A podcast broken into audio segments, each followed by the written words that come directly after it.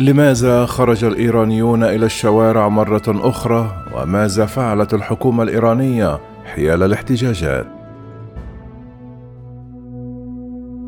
إلهي عظم البلاء وبرح الخفاء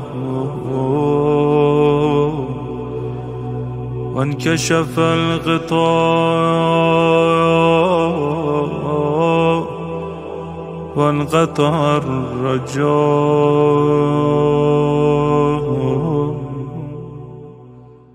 حشدت الحكومة الإيرانية عشرات الآلاف من أنصارها يوم الجمعة في استعراض محلي للقوة بعد أسابيع من احتجاجات الأسعار التي تحولت إلى أعمال عنف مما أدى إلى اعتقالات وإصابات في جميع أنحاء البلاد.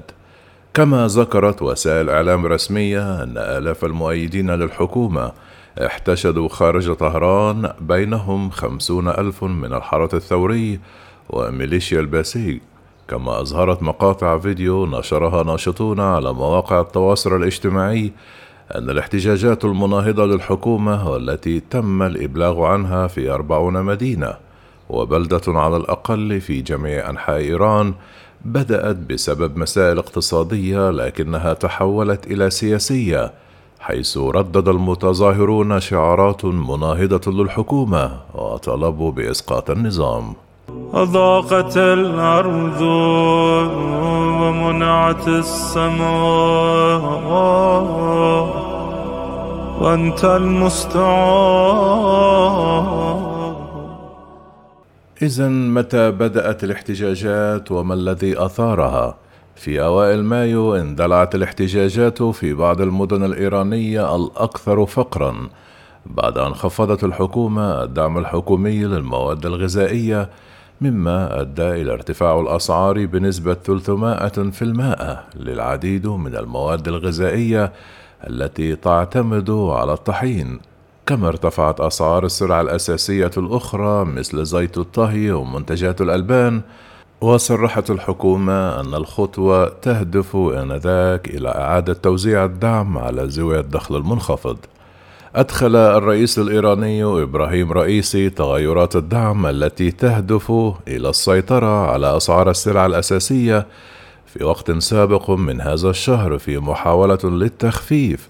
من آثار ارتفاع أسعار القمح العالمية والعقوبات الأمريكية على الاقتصاد الإيراني. نزلت حشود كبيرة إلى شوارع مقاطعة خوزستان الجنوبية الغربية للاحتجاج على ارتفاع الأسعار، كما انتشرت الاحتجاجات في وقت لاحق إلى مقاطعات أخرى. وكان للاحتجاجات أصداء عام 2019 عندما خرج الكثيرون إلى الشوارع احتجاجا على ارتفاع أسعار الوقود في الاحتجاجات التي أصبحت أكثر دموية منذ تأسيس الجمهورية الإسلامية في عام 1979 قال كالب الزميل الزائر في مركز أبحاث بوريس أمبازور foundation أن من بين المتظاهرين سائقون ومدرسون.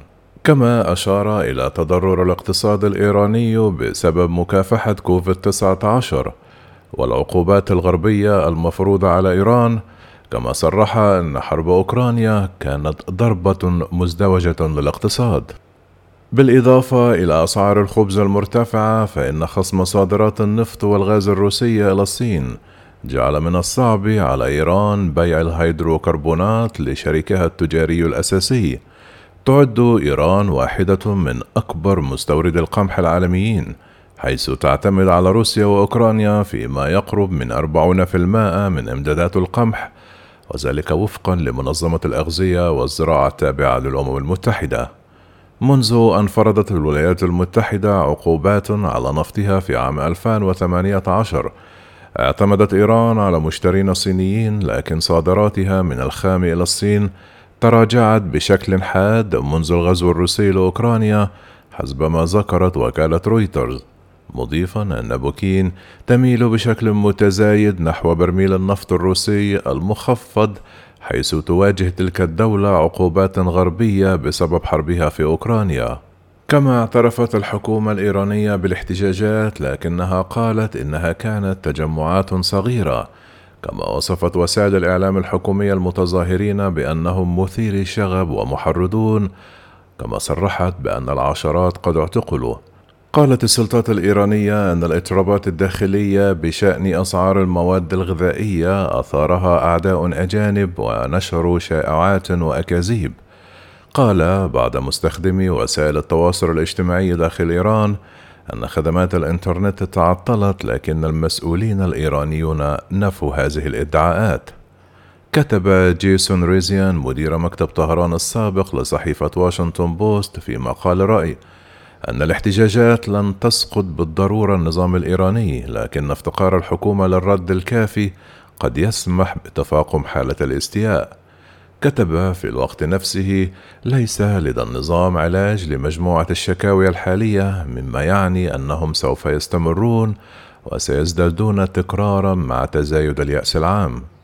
تأتي الاحتجاجات أيضا في الوقت التي تحاول فيه إيران إحياء اتفاق عام 2015 مع القوى العالمية الذي حد من قدرات إيران النووية مقابل تخفيف العقوبات وقد يؤدي تدهور الوضع الاقتصادي إلى زيادة إلحاح إيران للتوصل إلى اتفاق لكن الأمة ظلت ثابتة حتى الآن على مطالبها. قال كليب خططت الحكومة الإيرانية لميزانيتها السنوية مع توقع ارتفاع عائدات النفط وربما تخفيف العقوبات نظرا لأن أي من هذين الخيارين الآن يبدو غير مرجح فلن أتفاجأ برؤية تدابير تقشف غير معلن عنها وقرارات لتقليص النفقات الاجتماعية في المستقبل القريب. يا مولانا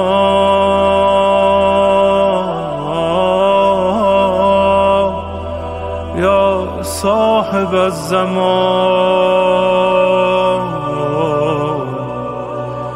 الغوث